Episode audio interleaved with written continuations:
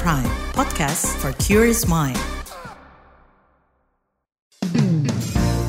Anda mendengarkan Ruang Publik edisi khusus Indonesia Baik. Bersama kita jadikan Indonesia baik. Halo, selamat pagi. Senang sekali saya Deborah Tanya dapat menyapa Anda dalam Ruang Publik KBR edisi Indonesia Baik. Dan pagi ini kami mengangkat tema mengatasi sampah sejak dari sumbernya, apa tantangannya? Dan eh, pagi hari ini sudah bersama-sama dengan saya, Mbak Eliza Putri Ayu, Zero Waste Campaign Officer, Yaksa Pelestari Bumi Berkelanjutan YPBB. Halo, selamat pagi Mbak Eliza. Halo, selamat pagi Mbak. Pendengar, kita mengetahui bahwa pengelolaan sampah yang kurang optimal ini menjadi tantangan Indonesia dalam mengatasi persoalan sampah hari ini. Bahkan program lingkungan perserikatan bangsa-bangsa menyebut Indonesia ini sebagai negara penghasil sampah plastik terbesar kedua di dunia. Timbulan sampah per tahunnya masih sangat besar. Dan berdasarkan data dari Sistem Informasi Pengelolaan Sampah Nasional Kementerian Lingkungan Hidup dan Kehutanan KLHK, total timbulan sampah di Indonesia per 2022 ada lebih dari 35 juta ton per tahun. Timbulan sampah per tahunnya ini masih sangat besar dan uh, komposisi sampah yang paling banyak ini merupakan sampah yang asalnya dari rumah tangga sebesar 38 persen. Di sisi lain, Pemerintah memiliki target di tahun 2025 yaitu pengurangan sampah harus menjadi harus mencapai 30 persen ya dari total timbulan sampah yang dihasilkan di tahun tersebut. Untuk mencapai target itu, perlu sistem pengelolaan sampah yang optimal tentunya. Sistem pengelolaan sampah yang seperti apa dan apa upaya yang harus segera dilakukan untuk mencapai target pengurangan sampah? Dan di ruang publik KBR edisi Indonesia Baik pagi hari ini, kita sudah bersama-sama dengan Mbak Elisa ya, dari Zero Waste Campaign Officer, Yaksa Pelestari Bumi Berkelanjutan YPBB. Mbak Elisa, tadi kita sudah uh, mendengarkan di awal ada udah ada upaya ya untuk mendorong masyarakat mengelola sampahnya sejak dari rumah tangga. Tapi di 2022 kemarin timbulan sampah di Indonesia ada lebih dari 35 juta ton. Ini nominal ya. yang sangat banyak ya. Banyak TPA juga di daerah-daerah yang kapasitas penampungannya sudah berlebihan, bisa dikatakan. Hmm. Bahkan saat ini kita kadang menemukan tumpukan sampah di pinggir-pinggir jalan. Di situasi-situasi ini, apa yang kurang sebenarnya Mbak dari pendekatan yang sudah dilakukan baik dari masyarakat maupun dari pemerintah? Oke, Uh, jadi kalau kita ngomongin masalah sampah ya, uh, sistem pengelolaan sampah di Indonesia tuh hampir lebih dari 80% itu adalah open dumping. Jadi open dumping tuh kita buang sampahnya tuh langsung ke landfill aja gitu, di mana buang sampahnya tuh kumpul, angkut, buang. Di mana yang dari rumah tangga kemudian diangkut, uh, langsung dibuang dan uh, berakhirnya di TPA. Jadi jarang sekali ada pengolahan sampah yang dilakukan dari sumber gitu.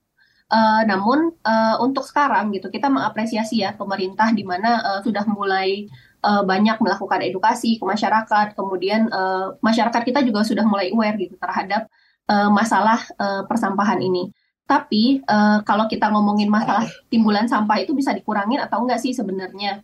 Uh, jadi memang uh, kayak yang nggak bisa nih kita dari pemerintah mengandalkan edukasi aja gitu. Kemudian dari masyarakat uh, udah di udah diedukasi kemudian uh, disuruh memilah. Terus abis dipilah dikemanain gitu. Jadi uh, kalau kita melihat secara general ya memang sistem pengelolaan sampah di Indonesia tuh masih uh, masih uh, masih jauh gitu dari uh, pengelolaan sampah yang berkelanjutan gitu. Fokusnya tuh masih kumpul angkut buang di mana banyak uh, lahan yang akhirnya tumpukan sampahnya menumpuk. Contoh seperti di Kota Bandung kemarin kita sempat darurat sampah, TPA kebakaran yang akhirnya ketika TPA-nya ditutup kita kelabakan gitu ini buang sampahnya ke mana yang akhirnya uh, terjadi penumpukan uh, sampah di jalanan seperti itu. Iya, gak hanya di Bandung juga di Jakarta bahkan di tempat tinggal saya sendiri gitu ya. Karena kalau misalnya saya OTW ke kantor masih banyak menemukan tumpukan sampah yang belum diangkut sama petugas kebersihan seperti itu. Mm-hmm. Nah, eh, Mbak Elisa, rumah tangga ini kan merupakan salah satu sumber sampah terbanyak ya. Dan uh, tapi uh-huh. sampah yang diangkut ke TPS itu masih sangat besar seperti yang kita ketahui. Ini menunjukkan uh-huh. tadi perlunya edukasi ya, edukasi yang lebih masif lagi kepada masyarakat untuk mengelola sampah sejak dari rumah tangga masing-masing. Dan uh, sistem pengelolaan sampah di Indonesia ini kita tahu masih jauh dari pengelolaan yang berkelanjutan seperti yang Mbak Elisa sampaikan tadi ya.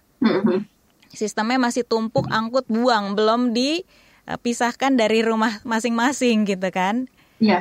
Baik, uh, kalau misalnya uh, dampaknya pada sistem pengelolaan sampah, jika dari rumah belum dilakukan pemilihan sampah yang tepat nih seperti apa sih Mbak? Oke, kalau dampaknya sebenarnya uh, banyak ya, karena memang sumber sampah itu kan uh, tadi seperti dijelaskan bahwa sumbernya itu memang banyaknya dari rumah tangga uh, impact-nya tuh akan ke mana-mana kalau memang dari dari rumah tangganya sendiri tidak uh, mengolah sampah gitu. Contoh misalnya dari aspek pemilahan aja gitu. Nah, kalau memang dari rumah tuh tidak memilah gitu, pasti kan uh, dari rumah tidak memilah, kemudian sampai ke TPS dia tidak terpilah gitu. Di mana uh, untuk dampak yang pertama adalah uh, sisi beban pengelolaan uh, sampahnya sendiri. Jadi uh, pendana pembiayaannya tuh akan meningkat, kemudian susah untuk dipilah gitu.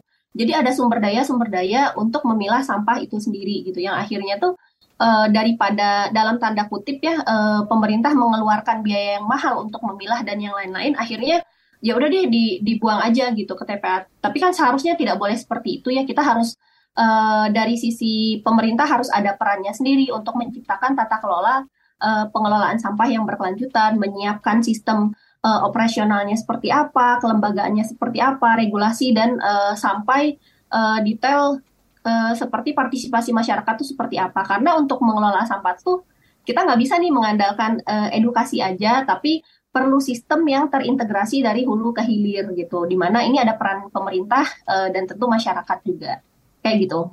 Baik. Jadi kalau misalnya sampah langsung dibuang tanpa dipilah terlebih dahulu, ini akan menyebabkan pembiayaan besar dan dipilahnya juga susah nanti ya di tempat pembuangan akhir ya. Iya benar benar. Kita mesti menerapkan bersama-sama untuk memilah sampah dari hulu dari rumah kita masing-masing sampai ke hilirnya juga nanti bisa lebih baik lagi. Nah, mungkin bisa dijelaskan seperti apa eh, cara pemilahan sampah di rumah tangga, Mbak Elisa? Iya, Oke, uh, kalau kita melihat ya dari sisi uh, edukasi tadi dari pemerintah, kemudian dari sisi regulasi gitu, sebenarnya udah banyak sih aturan-aturan ya dari uh, dari undang-undang sampai ke uh, peraturan terkecil di lingkup pemerintah tuh udah uh, aturannya udah jelas gitu. Jadi misalnya uh, di PP nomor 18 tahun 2008 tuh udah dijelaskan secara detail terkait tata cara uh, pemilahan dari rumah tangga. Nah, uh, sebenarnya untuk di rumah tangga tuh yang paling minimal adalah kita harus memilah sampah minimal tuh organik dan sampah lainnya. Karena memang kalau dari rumah tangga tuh eh, komposisi sampah tuh 50% adalah sampah organik gitu. Di mana kalau kita sudah bisa mengolah sampah organik ya, eh, banyak ya caranya bisa dikomposkan, bisa dijadikan pakan eh, ternak gitu. Itu tuh sudah sudah apa ya? Kita sudah mengurangi 50% beban beban pengolahan sampah di kota gitu. Kalau untuk pengolahannya sendiri kadang-kadang bingung nih, misalnya saya udah milah, kemudian setelah dipilah dikemanain ya gitu. Contoh nih kalau kalau di rumah aku itu tuh nggak ada pengangkutan sampah. Jadi kalau dipilah terus dikemanain gitu. Atau misalnya setelah dipilah organiknya ini apakah dibuang gitu aja? Enggak. Jadi jadi kalau organik itu kita bisa dikomposin, kemudian kalau yang anorganik itu kita bisa kalau memang ada bank sampah, kita bisa uh, memberikan ke bank sampah, tapi yang paling penting itu adalah dalam pengelolaan sampah tuh ya kita harus mengurangi ya, mengurangi sampahnya uh, sebanyak mungkin dari sumber gitu sebelum kita melakukan pengolahannya. Gitu. Baik. Tadi Mbak Eliza menjelaskan kalau di rumah tangga ini 50 persennya inilah sampah organik ya. Sebenarnya yeah. bisa juga digunakan untuk eh, hal-hal lain ya. Suka lihat di video-video short gitu penggunaan misalnya bekas cangkang telur bisa kita pakai untuk apa gitu. Yeah. Bekas kulit bawang merah bisa digunakan untuk apa? Iya iya benar. Itu juga bisa Jadi mengurangi ya. Iya iya.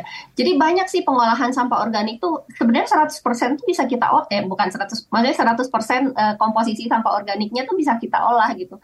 Tinggal kamu kubur aja ke dalam tanah itu selesai gitu. Kemudian kayak pengomposan ya, kompos tuh eh, aku nggak punya nih nggak punya tanah untuk ngubur sampah organik aku sekarang tuh banyak uh, metode pengomposan uh, yang di lahan sempit gitu. Jadi ketika kita pengen ngolah sampah sebenarnya ba banyak cara ya untuk uh, untuk bisa mengolahnya gitu. Asal mau cari tahu juga ya. Iya, iya benar-benar. Sekarang sudah banyak yang edukasi juga tentang hal itu di berbagai mm -hmm. platform. Nah, eh, Mbak Elisa, kita tadi kan sempat membahas juga di awal kalau pemerintah mm -hmm. ini memiliki target di tahun 2025 pengurangan sampah mencapai 30% dari total timbulan sampah yang dihasilkan tahun tersebut. Mengingat target ini harus dicapai nih di tahun depan, apakah langkah-langkah yang bisa dilakukan nih apakah langkah-langkah yang sudah dilakukan saat ini sudah cukup? Dirasa optimis nggak sih target ini bakal tercapai di 2025? Hmm, gimana ya? Jadi uh, uh, kalau Indonesia tuh sebenarnya kita uh, pernah dengar nggak sih 2020 bebas sampah gitu?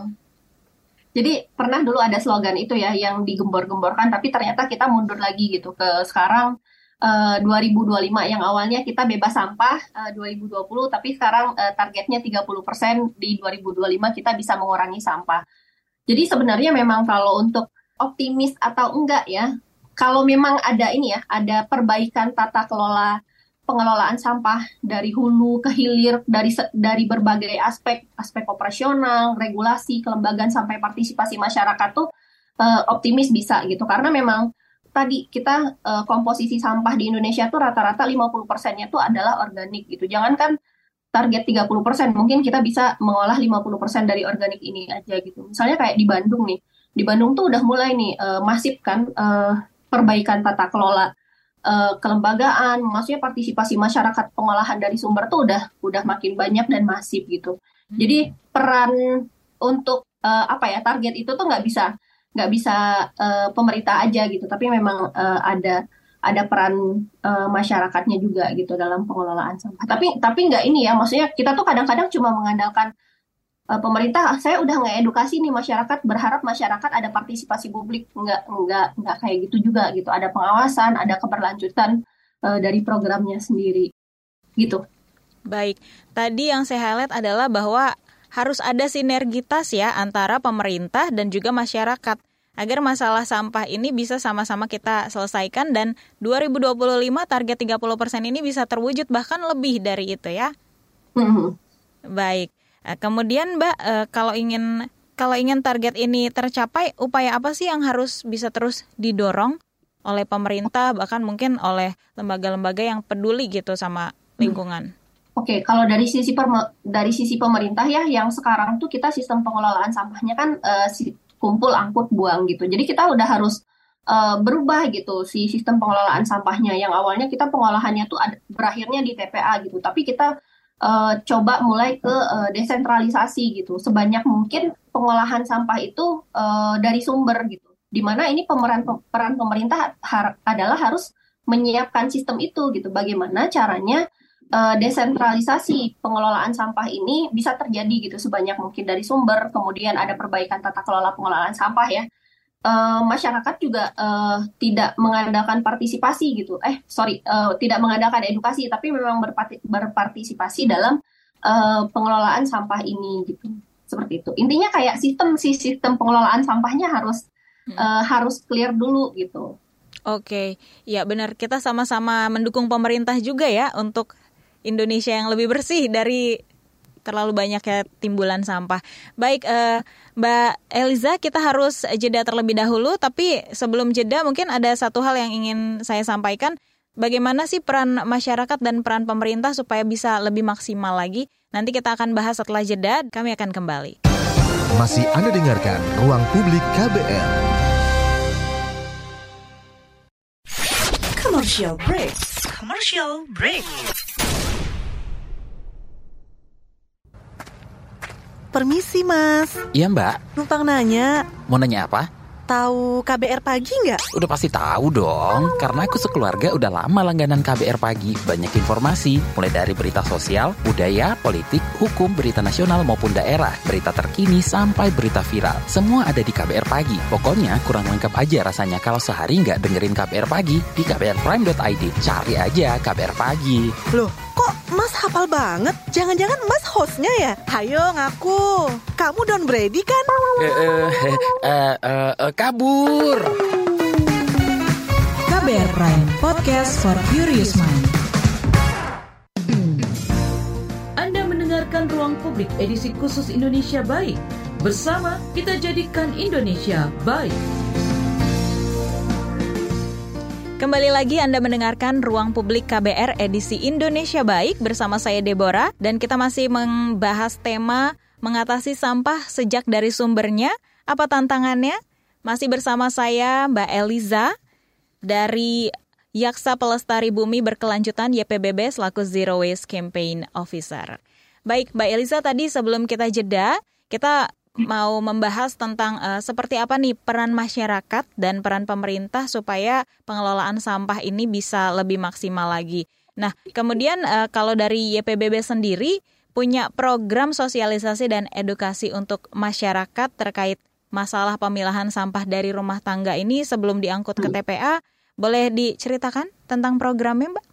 Oke, jadi uh, nama program kita di YPBB itu Zero Waste Cities ya. Uh, jadi kita tuh mulainya kalau aku nggak salah tuh sekitar tahun 2017 gitu di Kota Bandung gitu. Jadi udah sekitar berapa tahun tuh? 6 tahun ya, hampir 6-7 tahun lah. Ya. Kita mulai uh, implementasi ya uh, dari program Zero Waste Cities ini gitu. Jadi awalnya tuh kita uh, ada pilot project gitu di beberapa RW. Uh, kemudian sampai sekarang berkembang ya nggak cuma di Kota Bandung, kita ada di Kerawang, Purwakarta, kemudian ada di beberapa pulau kecil juga seperti uh, Nusa Penida dan yang lain-lain. Uh, saya lupa uh, detailnya seperti apa, tapi memang kita berkembang ya nggak cuma di di Kota Bandung tapi di daerah lain juga gitu. Jadi uh, program ini tuh fokus memang ke yang tadi saya sebutkan desentralisasi pengelolaan sampah gitu. Jadi uh, sebanyak mungkin uh, pengelolaan sampahnya tuh dari sumber. Tapi uh, sebelum kita mengimplementasi program itu, kita menyiapkan sistem dulu nih, sistem sistem pengelolaan sampah yang berkelanjutan itu seperti apa gitu. Uh, bagaimana caranya si RW ini ya dulu dulu pilot projectnya tuh RW RW. Jadi memang uh, bagaimana uh, caranya RW ini bisa mengedukasi masyarakat semuanya. Jadi kita melakukan door to door ya, door to door edukasi dari rumah ke setiap rumah, kemudian uh, meminta mereka melakukan pemilahan, kemudian kita siapkan uh, apa sih pengolahan sampah di skala RW-nya uh, skala RW-nya seperti apa gitu. Uh, dan memang ketika kita melakukan edu bukan edukasi aja ya maksudnya penerapan sistem zero waste cities ini bisa bisa dibilang datanya tuh sekitar 50% dengan ketaatan pemilahan uh, masyarakatnya memilah lebih dari 70% nih uh, misalnya.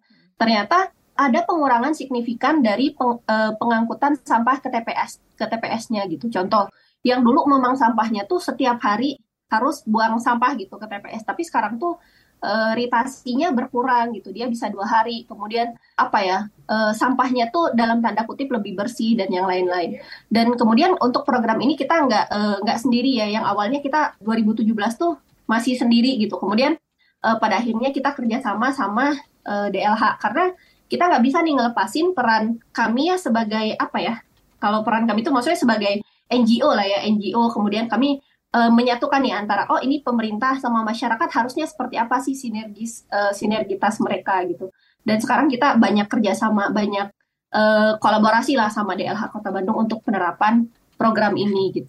Oke. Okay. Gitu. Jadi program Zero Waste Cities ini sejak 2017 yang lalu sudah dilakukan -hmm. oleh YPBB ya Mbak? Dan iya. memang fokusnya adalah desentralisasi pengolahan sampah dan juga hmm. untuk membangun sistem ya. Hmm. Tapi keren loh, itu edukasinya memang door to door dari skala RW pilot project ya kemarin ya. Iya, tapi sekarang tuh udah udah naik sih, maksudnya dulu 2017 tuh RW, tapi sekarang tuh udah skalanya kelurahan. Jadi uh, lingkupnya sudah lebih besar gitu dan dan bisa berkolaborasi dengan uh, eh, DLH Kota Bandung juga gitu. Oke. Okay. Nah, kalau kita berbicara tentang uh, program yang dilakukan oleh YPBB ini tentu kan ada memiliki tantangan-tantangan tersendiri Mbak Eliza ya. Apa sih tantangan yang bisa di bukan bisa ya? Apa tantangan yang dialami oleh YPBB sendiri ketika okay. melakukan program ini? Jadi memang uh, program ini tuh kan fokusnya kayak kita melakukan edukasi itu pemilahan dari sumber ya. Dan sebenarnya di undang-undang kita tuh sudah ada kewajiban ya bahwa uh, setiap orang tuh wajib untuk memilah sampah gitu. Tapi ketika sampai ke masyarakat itu tuh karena memang sistem pengelolaan sampah kita tuh masih apa ya kayak masih masih belum optimal lah gitu. Ketika disuruh minta milah tuh terus keuntungan aku tuh dalam tanda kutip buat apa gitu uh, capek capek-capek milah tapi tapi nanti gimana karena pengalaman-pengalaman sebelumnya masyarakat tuh mereka milah kemudian eh, nggak di ini nih apa sih udah nanti dicampur lagi gitu pada akhirnya. Tapi eh, yang kalau tantangan sih eh, apa ya kayak merubah mindset ya merubah mindset masyarakatnya. Kemudian eh, yang tadi karena sebelumnya kita tuh di awal tuh peran pemerintah tuh masih belum ya. Tapi kalau sekarang tuh karena memang kita sudah berkolaborasi dengan eh, DLH lebih kayak yang oh ternyata regulasi dalam pengelolaan sampah tuh penting loh gitu. Masyarakat tuh bisa bisa tak dan tanda kutip ya taat memilah sampah, mengolah sampah tuh ketika memang ada regulasi yang yang optimal gitu. Misalnya ketika regulasi itu oh, harus ada penegakan sanksi dan dan yang lain-lainnya. Kayak analoginya kita pakai helm aja. Ngapain kita pakai helm ke jalan raya?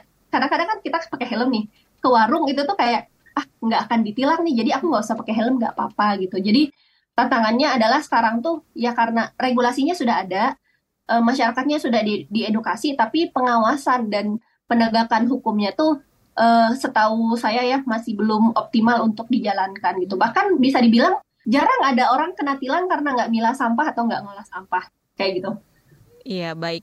Kadang ya gitu kalau misalnya uh, masyarakat tuh ada aturan malah dikira untuk dilanggar gitu ya, bukan untuk diikutin ya. Iya benar benar benar. Ada istilah aturan ada untuk dilanggar. Waduh. Baik. Marah-marah sih. Iya, tadi juga di awal Mbak Eliza sempat uh, membahas atau uh, mengatakan ada TPA di Kota hmm. Bandung ya. Ini TPA iya, iya. Sarimukti yang di Kota Bandung melebihi kapasitasnya mengalami kebakaran. hmm Ini merupakan salah satu dari banyaknya TPA yang kapasitasnya melebihi dan mengalami krisis. Lalu hmm. selepas dari krisis ini, apa situasi pengelolaan sampah di TPA Sarimukti, Mbak? Oke, jadi memang uh, sebenarnya TPA Sarimukti itu uh, belum ya, belum over capacity. Eh, eh sorry, memang sudah over capacity, tapi memang yang menyebabkan uh, kemarin Bandung Raya tuh uh, darurat sampah adalah karena memang TPS-nya meledak ya, uh, uh, apa ya kebakaran, sorry, kebakaran. Jadi uh, perlu kita tarik lagi ke belakang bahwa uh, yang tadi karena sistem pengelolaan sampahnya kumpul angkut buang sampah sam dengan kondisi sampah tercampur yang akhirnya uh, kan kalau sampah organik dicampur kemudian ditumpuk-tumpuk yang lain jadi ada gas metan ya biasanya tuh. Dan gas metan itu adalah gas yang sifatnya mudah terbakar gitu. Akhirnya uh, memicu uh, kebakaran yang uh, yang akhirnya kita mengalami darurat sampah. Itu tuh kota Bandung tuh sempat kayak chaos gitu loh. Sampah tumpukan sampah di mana-mana dan yang lain-lain. Jadi kalau sekarang ya situasi uh, pengelolaan eh sorry situasi di TPA Sarimukti itu memang uh, apresiasi juga ya ke uh, pemerintah Jawa Barat bahwa uh, pertanggal 1 Januari itu udah mulai uh, melarang melarang uh, sampah organik masuk ke TPA tapi saya belum dapat updatean lagi ya terkait pengawasan bener nggak sih sampah organik tuh uh, udah nggak boleh masuk TPA Saribukti tapi memang sempat pas kemarin darurat sempat chaos kemudian uh, saya lihat ya maksudnya data-datanya tuh sudah mulai banyak perbaikan di kota Bandung tuh mulai mulai masif nih uh, uh, sen, uh, desentralisasi pengelolaan sampah dari sumber kemudian uh, banyak juga inovasi-inovasi yang apa ya kayak uh, pemilahan sampah dari sumber kayak gitu. Baik. Kalau misalnya menurut pandangan Mbak Eliza sendiri, apa sih langkah efektif yang harus dilakukan supaya TPH TPA yang over kapasitas ini uh, hmm. terhindar dari krisis? Oke, yang pertama tuh uh, uh, sebenarnya kayak yang uh, udah uh, kita TPA Sarimukti itu kan udah open dumping ya, maksudnya tadi udah sampahnya udah menggunung ke mana-mana gitu. Nah untuk pencegahannya adalah uh, yang pertama tuh sebenarnya TPA tuh bukan tempat pembuangan akhir ya harusnya uh, tetap harus ada pengolahan dan yang lain-lain. Nah uh, kita mesti tarik ke belakang lagi nih bahwa dari sumbernya harus dibenerin dulu gitu harus ada uh, pengolahan sebanyak mungkin dari sumber-sumber sehingga sampah yang masuk ke TPA, TPA itu adalah sampah residu gitu, sampah yang benar-benar nggak bisa diolah nih, kayak uh, misalnya uh, sampah sampah ya maksudnya sampah-sampah residu ya. Jadi sampah residu itu sebenarnya komposisinya kurang dari 10 persen kalau nggak salah.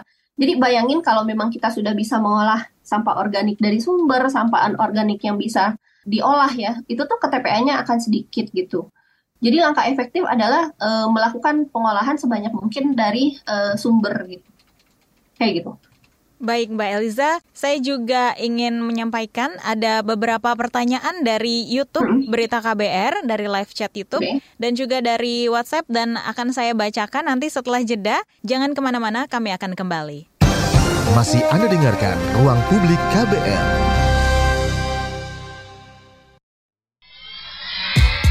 Yuk follow social media KBR Twitter at Berita KBR, Instagram at kbr.id, Youtube Berita KBR. Anda mendengarkan Ruang Publik edisi khusus Indonesia Baik. Bersama kita jadikan Indonesia baik. Ya, Anda masih mendengarkan Ruang Publik KBR edisi Indonesia Baik dengan tema mengatasi sampah sejak dari sumbernya, apa tantangannya, Bersama saya Deborah Tanya dan juga Mbak Eliza dari Zero Waste Campaign Officer Yaksa Pelestari Bumi Berkelanjutan YPBB. Baik, Mbak Elisa tadi sebelum jeda kita akan membacakan dulu ya untuk komentar-komentar. Tapi sebelum itu ada penelpon pagi hari ini Mbak Eliza kita akan segera terhubung dengan Bapak Sabubu Ranggasana dari Sumba Timur. Halo, selamat pagi, Bapak. Selamat pagi. Ah, tadi saya ada ikuti KBR ini berbicara tentang uh, apa nama uh, sampah, sampah yang iya. uh, ditampung keluarga sampai ke tempat pembuangannya, ya. Karena begini, uh, tadi dibilang ya uh, bahwa TPA, TPA, tempat pembuangan air itu yang sekiranya uh, dikondisikan pada saat bukan saja uh, tumpukan air itu kadang yang membuat akhirnya kembali ke tempat yang akan merupakan bagian dari uh, kebutuhan, pelayanan segala macam dan sampahnya itu boleh bilang tersebar lagi begitu. Nah, dalam arti begini, ya, uh, pada saatnya kalau sudah mungkin uh, dikondisikan dengan satu aturan pemerintah lebih tajam lagi dengan apa yang merupakan harapan harapan. Ya karena begini uh, ibu. Ya halo? Iya halo bapak silakan ya. dilanjutkan. Uh, karena begini ibu uh, untuk Sumba Timur kalau diikuti secara uh, dalami soal penumpukan uh, pembuangan apa uh, sampah, sampah ini ya. Memang ada ada ada uh, dari BLH itu ada ya yang berhubungan dengan sampah ditumpukin di tempat sampah umum Habis itu dari situ diangkut dengan oto untuk dibuang ke tempat uh, akhir tadi itu dengan sesuatu kejelasannya yang tidak sama sekali menentu di manakala dia bisa kembali ke tempat asalnya pada saat diangkat dimuat ke sana, dibuang ke sana begitu. Nah, terlebih itu yang namanya organik itu, ya. ya. Itu yang boleh bilang berserakan tidak beraturan, yang pada akhirnya tanah juga uh, tidak lagi sama sekali memberikan sesuatu pada saat dengan uh, wilayah okay. terdekat tempat pembuangan air sampah itu sendiri. Baik. Nah, itu begitu. Jadi kalau kalau saja Mas sampai ini pun juga kalau Baik. boleh itu ada ada aturan-aturan pemerintah yang lebih tajam lagi dengan uh, sampah yang uh, ada supaya bagaimana caranya uh, kenyamanan itu tercipta. Baik, ya. Bapak. Dalam arti begini, ya, dalam arti begini, ini kesadaran dari setiap warga masyarakat dalam hal uh, bagaimana pada saatnya untuk uh, membuat, ya, memikirkan soal sampah rumah tangga, ya, jangankan rumah tangga di jalanan saja mungkin itu kesadaran dalam arti kalau boleh bukan saja jalan tinggi buang sembarang sampah, bukan di tempat sampah yang sesungguhnya untuk diangkat buang ke mana tempat yang harus dibuang. Itu begitu. Baik.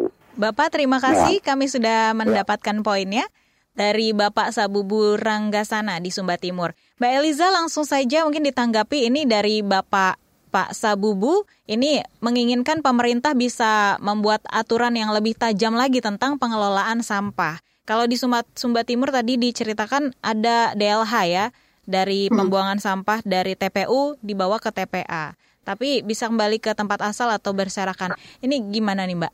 Tanggapannya?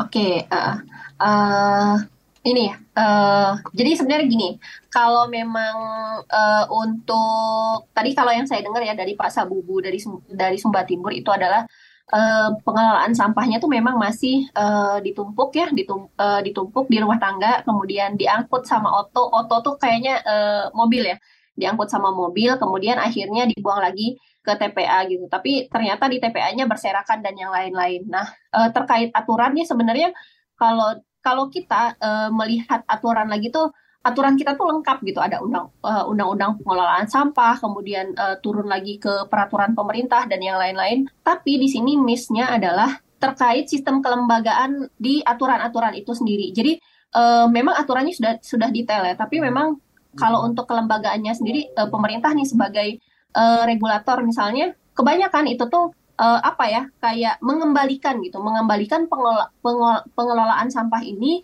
ke uh, daerah lagi gitu. Sedangkan dari daerah uh, apa ya kayak uh, dan uh, pembiayaannya terbatas dan yang lain-lain akhirnya memang uh, memilih untuk tadi open dumping ya kumpul angkut buang gitu. Nah sebenarnya untuk uh, balik lagi gitu kita kita harus mendorong uh, yang tadi desentralisasi pengelolaan sampah sebanyak mungkin dari sumber gitu. Kita nggak kita nggak cuma mengandalkan edukasi dan berharap partisipasi publik gitu. Pemerintah memang harus menyiapkan sistem yang uh, yang berkelanjutan, yang desentralisasi yang sebanyak mungkin pengolahan sampah itu tuh dari sumber. Di mana pada akhirnya harapan-harapan kita semua ya bahwa uh, sampah nanti yang diangkut ke TPA itu signifikan berkurang, kemudian yang diangkut ke TPA adalah sampah-sampah residu yang uh, sangat sulit untuk dilakukan pengolahan dari sumbernya. Seperti itu gitu. Baik, terima kasih tanggapannya Mbak Elisa. Saatnya sekarang kita membacakan dahulu komentar hmm. dan pertanyaan yang sudah masuk ke YouTube Berita KBR ataupun WhatsApp kami. Yang pertama hmm. ada Mas Donil. Masalahnya sekarang adalah tempat memilah sampah itu sudah sampai ke tingkat RT belum? Soalnya setahu saya hanya di jalan protokol. Ngomong-ngomong, denda besar itu pengaruh nggak sih buat orang yang nggak buat sampah? Nggak buang sampah maksudnya ya? Oke. Nah, kemudian satu lagi dari YouTube ada Mas Dani Setiawan. Buang sampah sembarangan di Jepang bisa didenda sebesar 30 ribu yen atau setara 3,3 juta. Di Singapura 300 Singapuran Singapura dolar atau sekitar 2,9 juta rupiah. Kalau di Indonesia bagaimana nih? Silakan ditanggapi, Mbak. Oke, untuk yang pertanyaan pertama ya terkait uh, pemilahan sampah tuh uh, tadi hanya ada di jalan protokoler aja gitu, di sampai RT RW enggak sih sebenarnya. Case-nya ya, kalau memang tapi sebelum uh, masuk ke study case kita ngomongin dulu. Sebenarnya di undang-undang tuh di UU 8 nomor 8 tahun 2000 eh 18 tahun 2008 tuh sebenarnya udah ini ya uh, ada kewajiban bahwa semua orang itu tuh wajib melakukan pemilahan sampah dari sumber gitu. Nah, tapi balik lagi gitu. Kayak setelah memilah, ini sampahnya dikemanain gitu? Apakah dicampur lagi atau enggak gitu.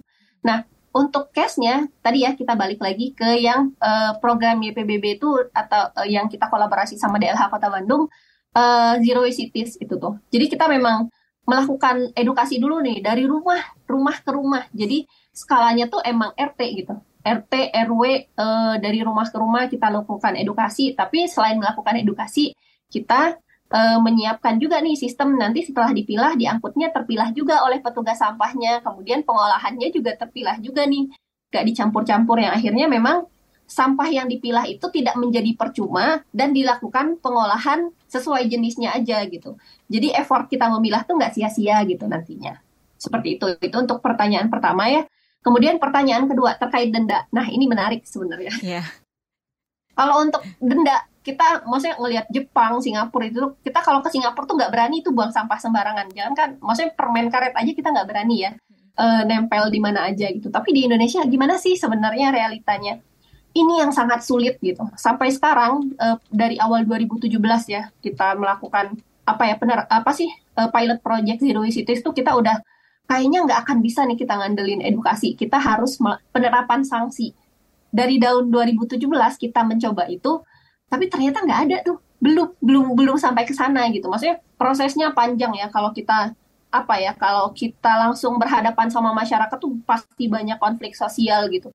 Dan untuk melakukan penerapan sanksi itu nggak nggak apa ya nggak nggak semudah oh kita bikin aturan kemudian dia nggak milah terus ya udah deh aku tilang gitu Jadi prosesnya panjang gitu. Dan ini menjadi harapan harapan saya ya pribadi dan harapan harapan teman-teman yang lain bahwa ketika penerapan sanksi ini diterapkan uh, harapannya ya tadi pemilahan sampahnya meningkat gitu. Tapi sebelum semua hal itu terjadi, pemerintah sebagai regulator ya uh, itu tuh harus menyiapkan uh, sistem pengelolaan sampah yang tadi yang berkelanjutan gitu, menyiapkan sistem-sistem yang lain gitu. Nggak bisa kita ngandelin si uh, masyarakatnya sendiri kayak gitu.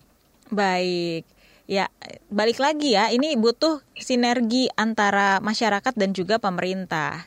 Dan setelah ini saya akan membacakan pertanyaan yang masuk dan komentar melalui WhatsApp Berita KBR. Ada Bapak Suryanto, Suryatno, mohon maaf. Suryatno dari Solo, bagaimana cara mengajarkan anak-anak kecil untuk ikut aktif memilah sampah di rumah? Bisa langsung ditanggapi, Mbak Eliza? Oke, terima kasih pertanyaannya. Nah, ini menarik nih, karena aku juga punya anak ya, tiga tahun sekarang. Jadi memang edukasinya tuh memang sedini mungkin gitu. Kalau sekarang tuh kita uh, jarang ya, maksudnya di sekolah tuh kalau aku dulu ya, aku dulu sekolah tuh jarang tuh, maksudnya kita uh, disuruh buang sampahnya tuh buang sampah ke tempatnya gitu. Sekarang nggak cukup nih kita buang sampah di tempatnya aja gitu. Kalau untuk anak saya ya, saya tuh biasanya ngedukasinya lebih kayak yang kan kita di rumah terpilah ya ada empat lima lima sam tempat sampah terpilah gitu. Jadi uh, nanti di diulang-ulang aja sih sebenarnya kayak yang kamu buang sampah kertas ke sini loh, kalau plastik ke sini gitu dan yang lain-lain. Tapi memang uh, edukasinya menarik juga ya. Kalau ke anak tuh nggak nggak bisa peran dari rumah tangga aja gitu.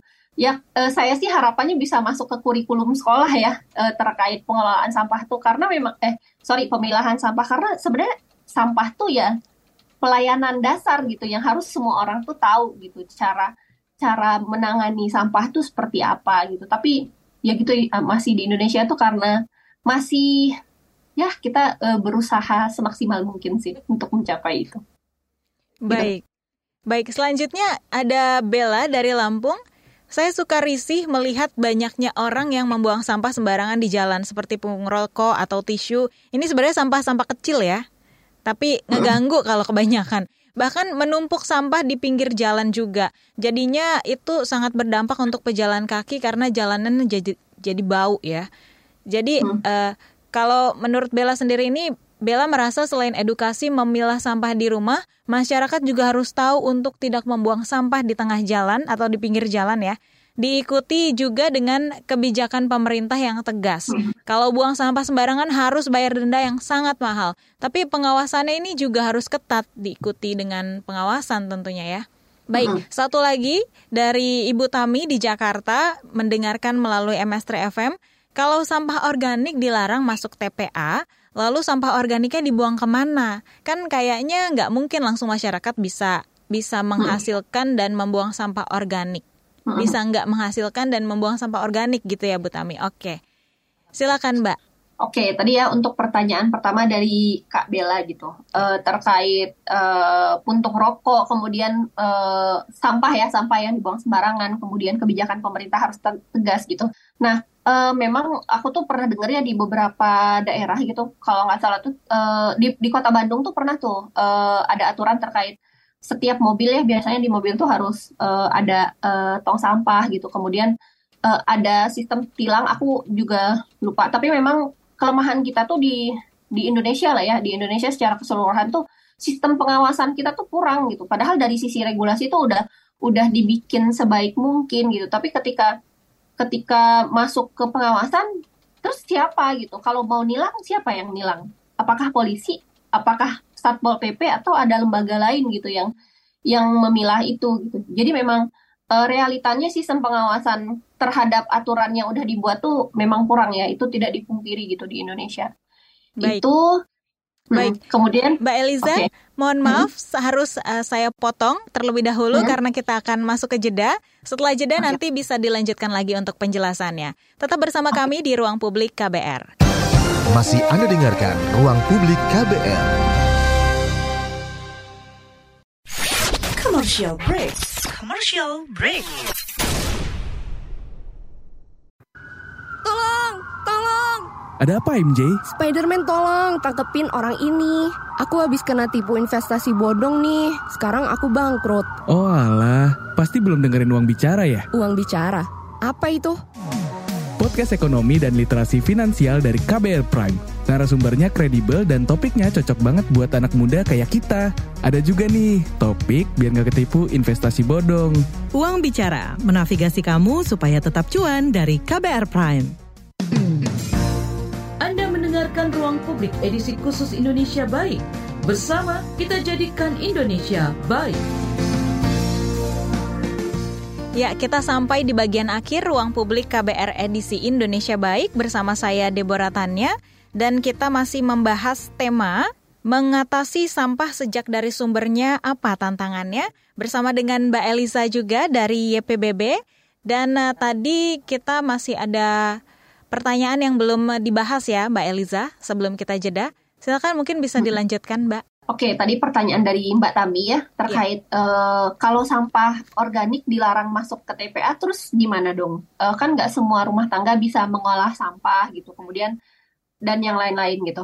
Nah, gini, jadi kalau uh, untuk aturan ini tuh sebenarnya memang yang pertama di Kota Bandung ya. Kemudian uh, gimana sih caranya kita sebagai rumah tangga gitu?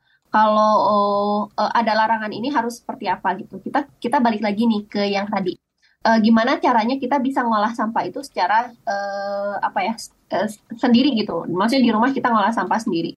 Uh, yang pertama terkait kalau uh, dari sisi peran pemerintah ya tadi kita harus uh, banyak desentralisasi pengolahan sampah gitu. Jadi nggak nggak yang cuma melarang terus terus ngapain gitu masyarakatnya disuruh ngapain apakah ngurus sampahnya sendiri gitu. Jadi memperba tadi memperbaiki sistem ya tata kelola pengolahan sampahnya, kemudian banyak menyediakan uh, membuat sistem kemudian oh edukasi ke masyarakatnya dipilah kemudian ya pengumpulannya dipilah sampai pengolahannya juga terpilah gitu. Nah kalau kita dari uh, dari masyarakat nih contoh tadi misalnya di rumah saya tuh nggak ada pengumpulan sampah gitu mbak. Jadi saya tinggalnya di kabupaten kalau saya buang sampah kadang-kadang saya ke kota Bandung gitu. Suami sekalian uh, apa ya kayak ke kantor buang sampahnya ke sana gitu. Cukup tapi jauh memang ya, sampah ya? lumayan jauh sih. Jadi kita tuh buang sampah tapi nggak tiap hari. Kita tuh bisa buang tiga bulan sekali lah buang sampah gitu. Karena kan sampah kita diolah ya. Nah untuk organik tuh banyak cara uh, tadi kita balik lagi ke sampah organik gitu. Sampah organik tuh sebenarnya bisa diolah ya 100% dari rumah tangga gitu. Caranya gimana? Yang pertama misalnya uh, kalau saya di rumah tuh pakai ayam. Jadi kita punya ayam kemudian ada yang dikasih jadi dikasih pakan ayam kemudian ada pengomposan gitu jadi ngomposnya juga uh, ada ada kompos portable ya sekarang tuh banyak ya kompos portable. Jadi saya nggak punya lahan nih, terus ngomposnya di mana gitu? Itu tuh uh, bisa cari di marketplace. Jadi uh, banyak kompos portable yang kita bisa mengolah sampah sendiri. Kalau untuk sampah anorganik, uh, sebenarnya mau disimpan dalam jangka waktu yang lama juga ya nggak apa-apa sih. Tahun kemarin tuh kita baru sekitar setahun kayaknya setahun tuh kita baru buang sampah ke bukan buang sampah ya, maksudnya ngantar ke bank sampah dan yang lain-lain gitu. Baik. Jadi banyak cara untuk mengolah sampah organik gitu. Baik.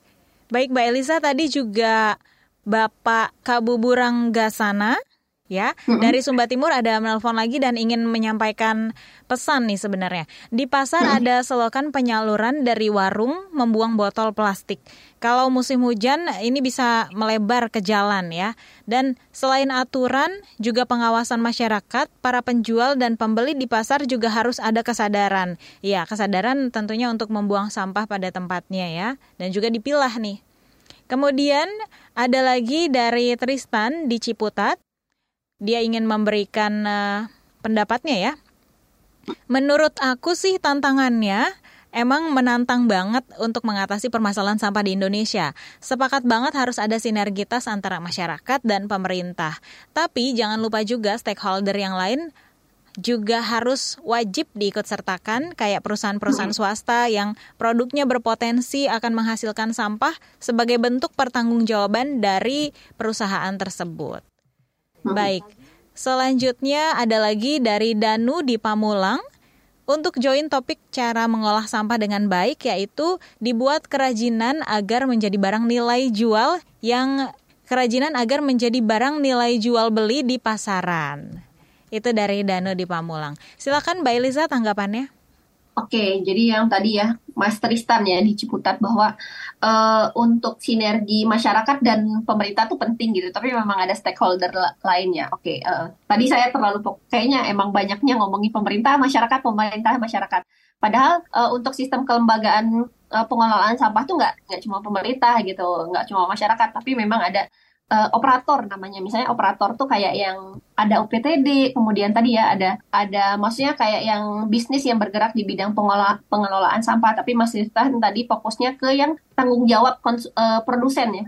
Hmm. Bagaimana uh, produsen itu bertanggung jawab atas sampahnya sendiri gitu. Kita tuh kalau sekarang ya memang realitanya di Indonesia tuh untuk mengembalikan sampah uh, yang ada udah terbuang ke landfill tuh susah gitu ke produsen misalnya uh, apa ya? Contoh misalnya merek X gitu. Dia udah uh, merek eh misalnya galon uh, merek L gitu. Misalnya kayak yang uh, dia udah di, dibuang nih sampahnya kan sekali pakai ya terus ini sampahnya dikemanain gitu. Nah untuk kembalikan ke situ tuh sulit gitu. Jadi memang uh, ini tuh ada peran pemerintah gitu. Bagaimana uh, ada regulasi nantinya tanggung jawab produsen itu dimasukin uh, ke regulasi dan harus ada pengawasan yang uh, detail juga gitu terhadap uh, kasus tersebut gitu. Karena sekarang tuh ya kita dikembalikan ke masyarakat, masyarakat yang menanggung dan landfill yang menanggung uh, sampah dari produsen itu gitu dan diproduksi secara terus-menerus. Gitu. Kemudian tadi pertanyaan dari Mas Danu ya uh, di Pamulang terkait sampahnya tuh ya udah deh dibikinin kerajinan kerajinan, kerajinan gitu untuk uh, kerajinan untuk nilai tambah. Nah, sebenarnya ini uh, adalah salah satu cara ya, tapi tapi memang uh, agak menarik sih kalau kita ngomongin daur ulang sebenarnya. Daur ulang atau upcycle ya. Nah setelah di upcycle tuh misalnya kita banyak menemukan kerajinan. Misalnya uh, kresek dibikin uh, baju gitu. Ke, atau bungkus kopi dibikinin baju kerajinan kayak gitu. Itu sebenarnya adalah salah satu cara. Tapi memang tapi memang seharusnya itu menjadi cara terakhir ya. Uh, bahwa eh, hal-hal kayak gitu sebenarnya kita harus melihat itu tuh dipakainya berapa lama sih gitu. Kalau seandainya kerajinan itu rusak, terus dia dikemanain? Jadi memang uh, ag agak dilema juga sih. Kita belum belum menemukan solusi yang paling tepat ya, tapi memang uh, uh, itu menjadi salah satu cara gitu. Uh, dan perlu kita tahu bahwa uh, tingkat daur ulang ya di di dunia ini tuh dari tahun 50 plastik itu mulai di di apa sih diproduksi kurang dari 10% uh, material plastik itu bisa uh, didaur ulang gitu. Yang akhirnya 90%-nya ke mana gitu. Dia tercemar aja nih di laut, di lahan, di sungai gitu dan yang lain-lain. Jadi yang paling penting kita adalah uh, mengurangi sebanyak mungkin uh, sampah dari sumber gitu, terutama untuk sampah anorganik ya, kayak plastik sekali pakai, styrofoam, kemasan dan yang lain-lain. Seperti itu. Iya, tapi kita juga mengapresiasi ya untuk eh, pihak-pihak uh, yang sudah membuat contohnya kantong plastik ramah lingkungan terbuat dari singkong seperti itu ada juga ya. Nah, baik. Iya. Uh, Mbak Eliza, ini kita masuk ke pertanyaan terakhir di segmen 4. Bulan Februari ini kan kita memperingati Bulan Peduli Sampah Nasional. Supaya kepedulian akan sampah ini tidak hanya diingat saat hari penting atau krisis saja, apa sih langkah yang harus kita lakukan bersama-sama? Langkah yang paling penting itu adalah mengurangi sebanyak mungkin sampah dari sumber kemudian eh, mengolah sebanyak mungkin sampah dari sumber karena ketika dari rumah tangga kita sudah melakukan pem, eh, pengurangan terus pengolahan itu tuh akan sangat mengurangi beban eh, pengolahan eh, sampah kalau kota yang lebih besar kayak gitu dan dan nggak lupa kita harus melakukan pengawasan ya terhadap kinerja pemerintah terkait pengelolaan sampah di masing-masing kabupaten kota lah gitu. Baik. Dan uh, terima kasih sekali Mbak Eliza Putri Ayu, Zero Waste Campaign Officer dari Yaksa Pelestari Bumi Berkelanjutan YPBB. Terima kasih untuk waktunya pagi hari ini. Sudah mau berbincang dalam uh, tema mengatasi sampah sejak dari sumbernya. Apa tantangannya di ruang publik KBR? Dan saya juga mengucapkan terima kasih untuk Anda yang sudah mendengarkan kami di ruang publik KBR. Saya undur diri, Deborah. Salam. Baru saja Anda dengarkan Ruang Publik KBR. KBR Prime, cara asik mendengar berita. KBR Prime, podcast for curious mind.